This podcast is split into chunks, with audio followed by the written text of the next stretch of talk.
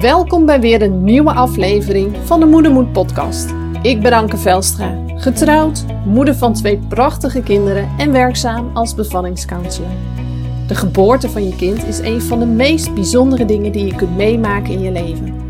Een ervaring die je leven voorgoed verandert en je hele leven zal bijblijven.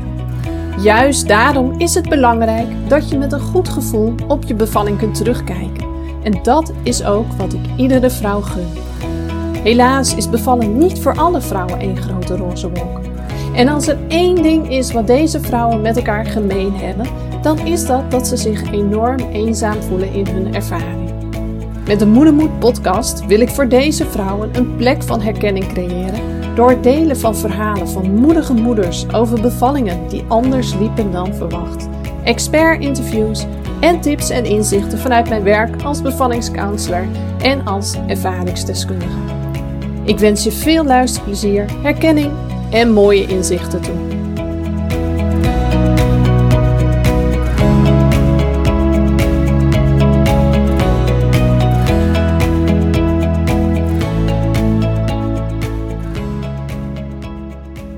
Hey, goedemorgen. Wat leuk dat je weer luistert naar deze podcast. Het is uh, maandagmorgen 21 september wanneer ik deze podcast opneem.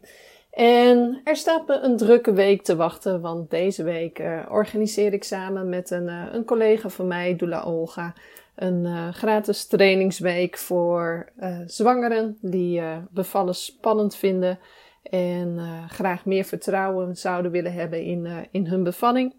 Elke dag geven we om half twaalf live een, een training. Um, ja, live, uh, wel online zeg maar, maar wel live. Niet een, een, een vooraf opgenomen filmpje. Uh, dus ja, daar hebben we heel veel uh, zin in. Maar dat is natuurlijk ook best wel intensief om dat vijf dagen achter elkaar te doen. Dus ja, busy week. En de tijd die ik daar omheen heb, staan aardig wat sessies ingepland. Um, en ook ja, de andere dingen moeten gebeuren. Podcast opnemen, wat berichten plaatsen op social media en dat soort dingen. Dus uh, ik heb genoeg te doen deze week.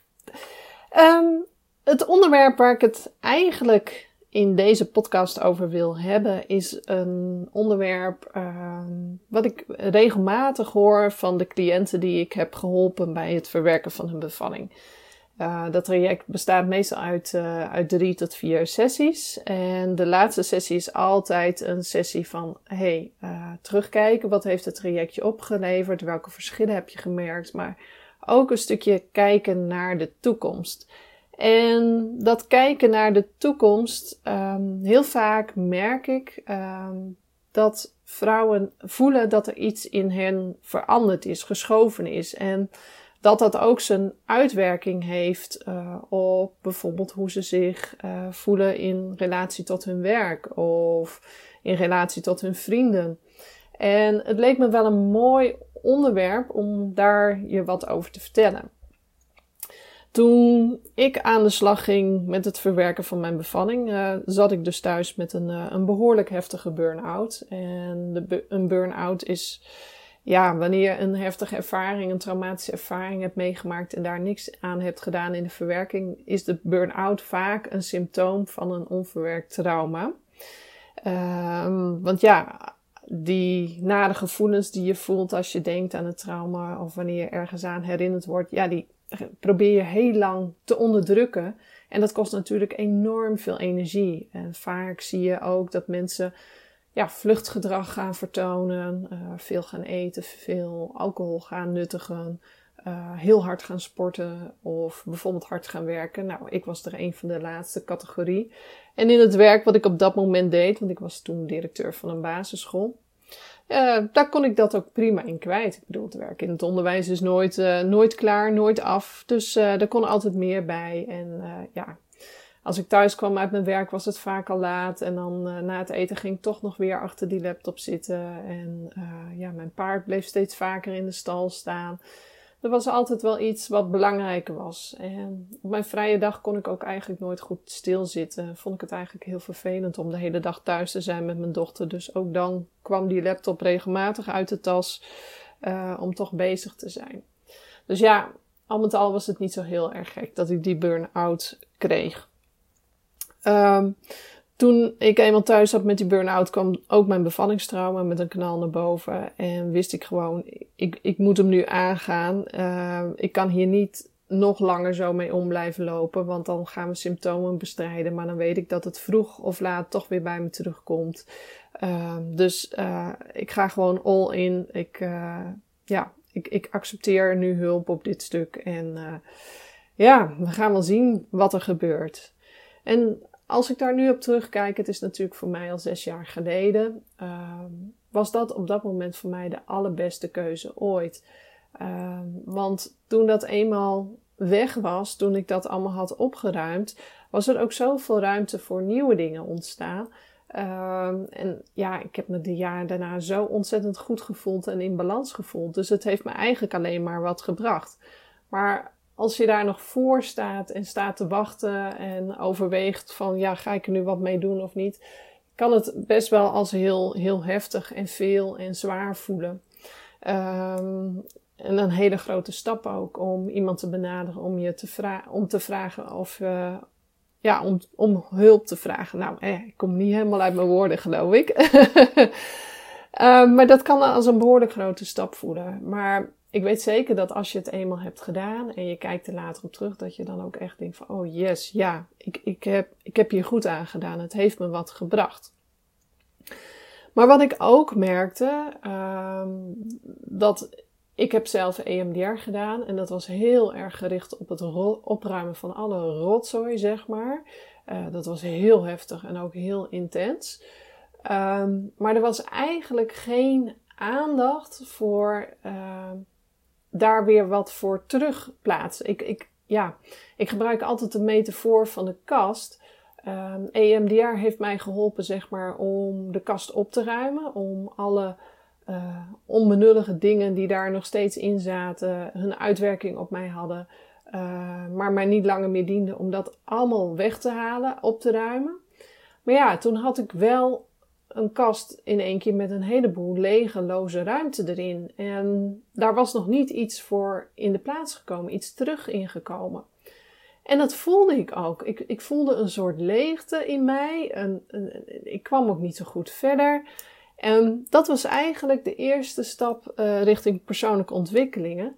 Of persoonlijke ontwikkeling van mezelf. Want uh, toen ging ik andersoortige boeken lezen. Want ik wilde daar meer over weten. Dus ik ging in één keer een boek lezen over NLP. Ik had nog nooit gehoord van NLP, maar ik dacht, ja, het komt op mijn pad. Dit lijkt een beetje aan te sluiten bij waar ik nu behoefte aan heb. Dus laat ik het maar gewoon lezen. En gaandeweg, toen ik dat boek las, kwam ik tot zoveel ontdekkingen. En voelde ik inderdaad ook waar die leegte vandaan kwam. Het werd me in één keer heel duidelijk zichtbaar. Dus ik moest daar wat mee. En op dat moment besloot ik van, nou, dan moet ik maar een NLP-opleiding gaan doen. Ik moet daar meer over leren als dit boek me zoveel bracht. Dus ik ben op zoek gegaan uh, waar in de buurt uh, als snelste een, een, een NLP-opleiding ging starten.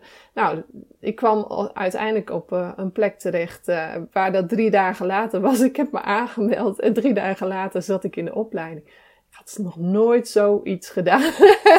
En nu deed ik dat gewoon. Dus dat was wel heel bijzonder. En dat sluit ook wel super aan bij NLP. Nou, wat is NLP? NLP staat voor Neurolinguistisch Programmeren. En het houdt eigenlijk in, uh, ja, ik vind het altijd wat lastig om te omschrijven, maar dat je onbewuste processen bewust maakt. En daarin dus ook uh, door middel van allerlei oefeningen andere keuzes in gaat maken, in gaat sturen. En ja, je wordt zeg maar een soort betere versie van jezelf.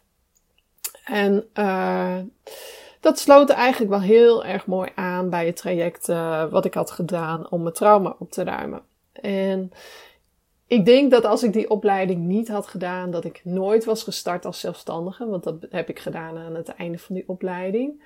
Uh, en een heleboel dingen meer had ik waarschijnlijk nooit gedaan zonder dat ik die opleiding had gedaan. Dus dat was wel heel erg mooi. Um, nou ja, dat is even een, een, een, een korte inleiding uh, op het onderwerp. Um, want ik, ik voelde die leegte en voelde van ja, maar er, er is iets geschoven.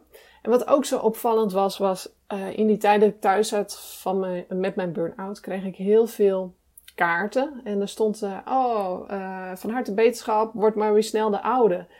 En hoe verder ik kwam in mijn herstelproces, hoe meer ik me ook begon af te vragen: de oude, de oude, word ik wel de oude? En wil ik ook wel de oude worden? Want uh, ja, die oude persoon die heeft me ook hier gebracht, uh, diep in de shit waar ik nu zit. Dus wil ik dat weer terug op die manier? Of, of ga ik toch dingen nu anders doen, andere keuzes maken?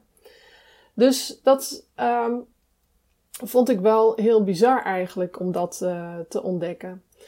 En als je zo'n proces hebt gelopen en je bent heel diep gegaan, dan merk je ook uh, dat dingen die voorheen heel erg belangrijk voor je waren, en dat, dat was voor mij echt uh, carrière maken en zoveel mogelijk opleidingen doen bijvoorbeeld, uh, helemaal niet meer zo belangrijk zijn. En um, de motivatie die daar voor mij ook achter zat, was een hele diepe kernovertuiging van ik ben niet goed genoeg. Dus ik was keihard aan het bewijzen aan de hele wereld door heel hard te werken, heel hard te studeren. Van kijk, zie me, ik ben wel goed genoeg. Dus ja, dat, en, en, en toen dat dus wegviel, toen ik die overtuiging dus niet meer, no, niet meer had, die, hij beperkte me ook best wel. Uh, toen ik die los kon laten, uh, hoefde ik dus ook niet meer zo hard te werken. En uh, hoefde ik ook niet meer zo hard te studeren. En kwam ik erachter dat ik helemaal niet gelukkig was uh, in mijn begin dertiger jaren als directeur van een basisschool met een enorme lading verantwoordelijkheid op mijn schouders. Um, maar ja, lag mijn hart eigenlijk heel ergens anders. En uh, vond ik materialisme eigenlijk ook helemaal niet zo belangrijk meer. Ik bedoel, ja, een auto, het is leuk, maar ik vind het vooral belangrijk dat hij dat die betrouwbaar is, dat hij uh, fijn rijdt. En ja, dat hij me van A naar B brengt. Maar hoe die er nou uitziet en of dat nou één is van één jaar oud of van vijf jaar oud, het interesseert me niet. Um, dus dingen zijn heel erg geschoven. En ik merkte dat voor mij ervaringen veel belangrijker werden. Dus aan het einde uh, van, van mijn herstelperiode ben ik ook uh, getrouwd met mijn man. Een ervaring. uh, en hebben we die dag helemaal ingericht op een manier zoals wij dat graag zouden willen. Uh, zijn we gaan reizen. Ik had nooit wat met reizen, maar ik kon er ook nooit echt van genieten. Dus, en nu kon ik wel genieten ook van de mooie dingen. En uh, werd reizen voor mij in één keer heel erg belangrijk. In 2016 zijn we twee keer naar Thailand gereisd. Uh, begin 2017 um, ehm, ben ik samen met mijn vader naar uh, Ghana geweest. Um, mijn oom uh, woonde daar een groot deel van het jaar, had ook een eigen huis daar en een bedrijf. Um, dus wij gingen samen bij hem op bezoek. Ja, dat was zo bijzonder. En al die ervaringen, uh, het genieten, het helemaal in het nu zijn. Nou, als, als ik het er nu over heb, dan, dan voel ik gewoon weer helemaal dat gevoel omhoog komen van wat ik toen voelde in Thailand en, uh, en in Ghana. En dus dan heb je het eigenlijk al over dingen die, die voorheen belangrijk waren, maar na jouw ervaring, met, na wat je hebt meegemaakt, uh, is dat niet in één keer niet meer zo belangrijk voor je. En zijn andere dingen veel belangrijker voor je. Um, ik heb dat toch ook meegemaakt uh, uh, na de tweede bevalling. Uh, die is gewoon ontzettend heftig geweest. Zeker als je nog nooit wat van mij hebt gehoord, gezien of gelezen, dan ken je het verhaal niet helemaal. Maar ik, ik verloor 5,5 liter bloed en belandde op die IC. Dus het is best allemaal wel even heel spannend geweest. het had ook heel anders kunnen aflopen. Um, en ik, ik merk zelf wel, en bijvoorbeeld in, in het hele corona-verhaal, ja, weet je, ik, ik ben niet meer zo snel gespannen of gestrest erom. Misschien omdat je, ja, het klinkt misschien heel plat of raar dat ik het zo zeg, maar als je zo dicht bij de dood bent geweest uh, en dat hebt overleefd en, en, en daar weer voor een groot deel van hersteld bent, uh, ben je niet zo heel snel meer angstig of in paniek over dingen. Um, dus dat, dat merkte ik bijvoorbeeld nu in deze tijd, merk ik dat toch wel heel erg uh, dat, dat dat speelt. Um, maar goed, dit is, dit is even een, mijn eigen ervaring hiermee, mijn eigen uitstapje. Maar ik hoorde eigenlijk hetzelfde heel vaak terug van, van de cliënten tijdens de laatste sessie uh, van het verwerkingsproces, wanneer we dus bezig zijn met de toekomst.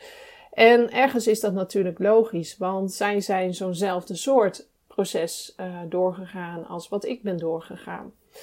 En Misschien herken jij dat ook wel als je deze podcast luistert. Dat zou ook heel goed kunnen. Dus ik vind het wel heel leuk om daar nog iets uh, met je over te delen. En misschien heb je een pen en papier bij de hand. Of uh, kun je notities maken in je telefoon. Nog mooier is het als je vel papier kunt pakken.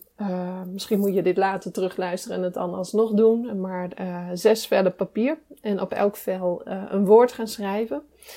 Maar die NLP um, heeft een bepaalde oefening, de logische niveaus noemen ze dat. En dat is zo helpend om hier meer inzicht in te krijgen.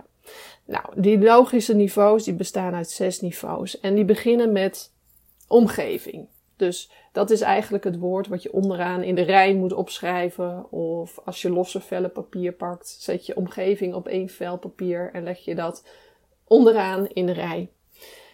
En dat is de omgeving waar je woont, waar je werkt, waar je verblijft. Uh, dat is waar het woord omgeving voor staat. Het tweede woord is het woord gedrag. Uh, de dingen die je allemaal doet in die omgeving, in je werk, uh, in je moederschap, in je relatie, in je vrije tijd, noem maar op. Het derde woord, en dat komt daar weer boven, is het woord vaardigheden. Wat doe je precies? Wat kun je? Waar ben je goed in? Welke vaardigheden bezit je of mis je? Het niveau wat daar weer boven komt is overtuigingen en waarden. Waar geloof jij in? Wat is belangrijk voor je? Dat hangt al heel erg samen met wat ik net vertel, maar kom ik zo op terug. Dat wat daarboven zit, is identiteit. Wie ben je? En, de waar, en wat daarboven zit is spiritualiteit of missie. Wat is je missie? Welk grote geheel, van welk grote geheel ben jij een onderdeel? Nou, wat ik heel vaak merk en wat ik zelf ook heb gemerkt, is dat met name op het stukje waarden uh, en overtuigingen dingen heel erg anders liggen op het moment uh, dat je een heftige ervaring hebt meegemaakt en daarin ook een stuk verwerkingsproces hebt gedaan want je kunt bijvoorbeeld als je een heftige bevalling hebt meegemaakt of een traumatische bevalling hebt meegemaakt, kun je een overtuiging over jezelf hebben van ik heb gefaald als moeder of ik ben niet goed genoeg. dat zijn hele diepe kernovertuigingen. En op het moment dat je daar dus iets mee gaat doen, wanneer je dat gaat verwerken en daarmee ook die, die overtuigingen opruimt, kun je merken dat er, daar een soort leegte zit van oké, als ik dan niet meer die falende moeder ben en als ik dan uh, ook niet meer de overtuiging heb dat ik niet meer goed genoeg uh, ben, wie ben ik dan wel? En dat is al gelijk de vraag die erboven zit. Wie ben ik dan wel? Dat gaat zo over identiteit. Dus het kan heel helpend zijn om dit voor jezelf eens op een rijtje te gaan leggen en te kijken van Waar in deze hele rij is er iets geschoven ten opzichte van wie ik was en hoe ik was en wat ik deed voordat ik dit heb meegemaakt en nadat ik dit heb meegemaakt. En waarschijnlijk zul je dan zien dat er iets is geschoven, sowieso in het overtuigingen en waardestuk. En als je weet wat daarin is geschoven, kan het ook heel helpend zijn om die andere niveaus dan ook eens bij langs te gaan. Um, Bijvoorbeeld voor mij was hard werken, carrière maken, me willen bewijzen aan anderen omdat ik niet goed genoeg meer was, dat was in één keer geen issue meer. Dus dat betekende ook iets voor mijn identiteit. En we hebben heel veel identiteiten. Hè? En op dat moment was dat mijn identiteit op mijn werk als basisschooldirecteur. Dat ik gewoon voelde dat ik me daar dood ongelukkig bij voelde. Uh, maar het, het vertelde ook iets over het stukje spiritualiteit en missie. Van welk grote geheel ben je een onderdeel? Ik was op dat moment van het geheel van, van de stichting met alle scholen bij elkaar, was ik een onderdeel. Maar ik voelde me daar geen onderdeel meer van, want ik was er ook een jaar uit geweest. Ik was eigenlijk niet meer verbonden voor mijn gevoel. En als je dan naar beneden gaat, um, dus daar moest wat voor in de plek. En toen ben ik dus ook gestart met mijn eigen bedrijf. Uh, uiteindelijk ben ik ook gestopt met mijn baan als directeur. Werkte ik nog één of twee dagen in de week als invalleerkracht. En in mijn eigen bedrijf ging ik scholen en teams en leerkrachten ondersteunen uh, bij werkdrukvraagstukken. Hè, met stress, uh, burn-out. ik deed een stuk individuele coaching ook. Um, dus daar ging wat veranderen. En werd ik op een andere manier een onderdeel van het grote geheel. En ook landelijk in plaats van alleen in de, in de koepel. Uh, mijn identiteit veranderde. Ik, ik, ja, ik ging zelfs bewust een stap terug doen naar gewoon weer leerkracht zijn. En dat was de beste keuze ooit naast mijn bedrijf. Um, maar in mijn bedrijf, doordat ik uh, een andere richting op ben gegaan, uh, vroeg dat ook andere capaciteiten voor mij en ander gedrag en een andere omgeving. Dus daar waar ergens iets schuift, en meestal is dat op het waarde- en overtuigingenstuk, schuiven de andere dingen met je mee. En is het dus ook belangrijk om daar weer nieuwe dingen in terug te stoppen, want anders blijf je die. Als, als op het stuk overtuiging en waarden iets is veranderd, ehm, maar je blijft precies hetzelfde doen als je voorheen deed en gaat daar niet mee aan de slag, dat is dan precies wat je dan voelt. Die, die leegte, die zwaarte, het gevoel alsof je een jas draagt die je niet meer helemaal past of zo. Ehm, dat het niet meer uh, aansluit. Dat, dat, dat, dat gevoel, uh, ja, dat is precies waar, waar dit over gaat. Nou, ik zit er wel erg in om te lullen voor mijn gevoel. Dus ik hoop dat het wel een beetje duidelijk is overgekomen wat ik hiermee probeer te zeggen. Nou, misschien een leuke opdracht voor jezelf om te doen. En misschien luister je dit nu op een moment dat je dit helemaal niet kunt doen. Luister hem dan later nog even terug of onthoud hem. Maar pak nou eens zes vellen papier en schrijf op elk vel bijvoorbeeld het ene vel omgeving, het andere vel gedrag, het andere vel vaardigheden, het andere vel overtuigingen en waarden, het andere vel identiteit en het andere vel missie. En leg ze nou eigenlijk eens een keer als een rij achter elkaar. Je begint bij omgeving, dan ga je naar gedrag, dan ga je naar vaardigheden, dan ga je naar overtuigingen en waarden, en dan ga je naar identiteit en bovenaan ligt missie, spiritualiteit.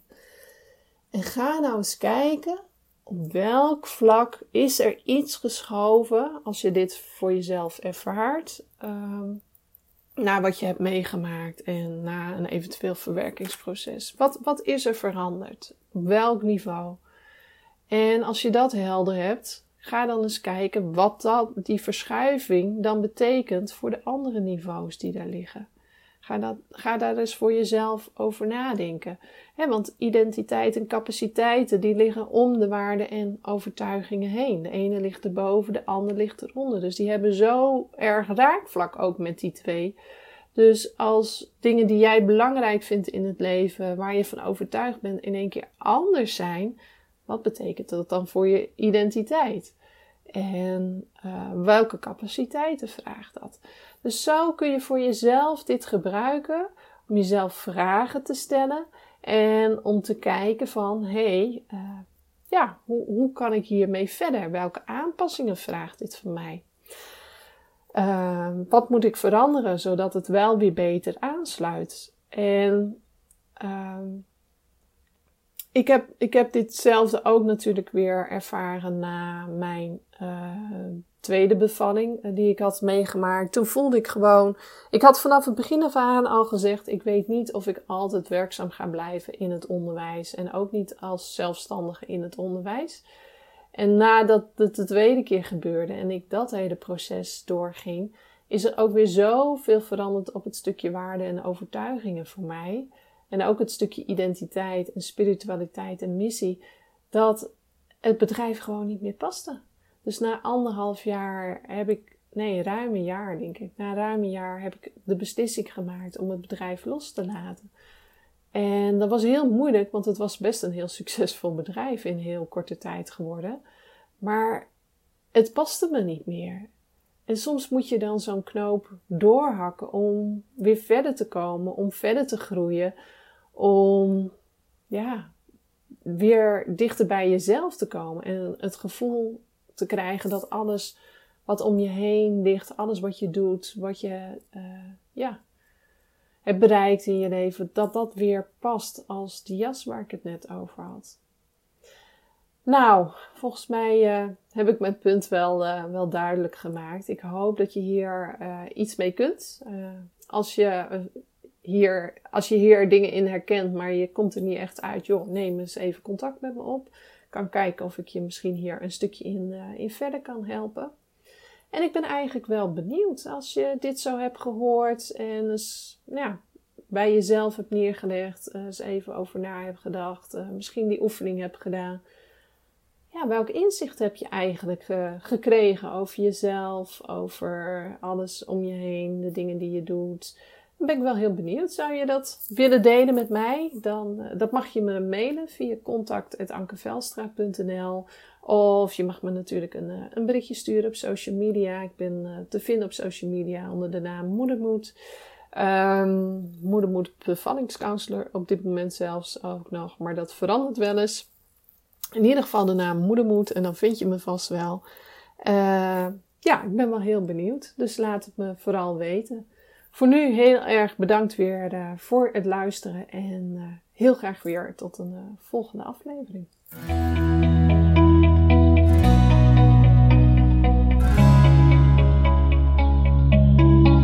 Heel erg bedankt voor het luisteren naar deze aflevering van de Moedermoed podcast. Vond je deze aflevering interessant en waardevol? Maak van deze podcast dan geen goed bewaard geheim. Bijvoorbeeld door een screenshot te delen via social media of stories en mij daarin te taggen, of door een review achter te laten op Apple Podcasts. Daardoor wordt de Moedermoed podcast nog beter gevonden en kan ik zoveel meer vrouwen bereiken en ondersteunen die zich nu eenzaam voelen in hun bevalervaring. Dankjewel alvast en heel graag tot de volgende podcast.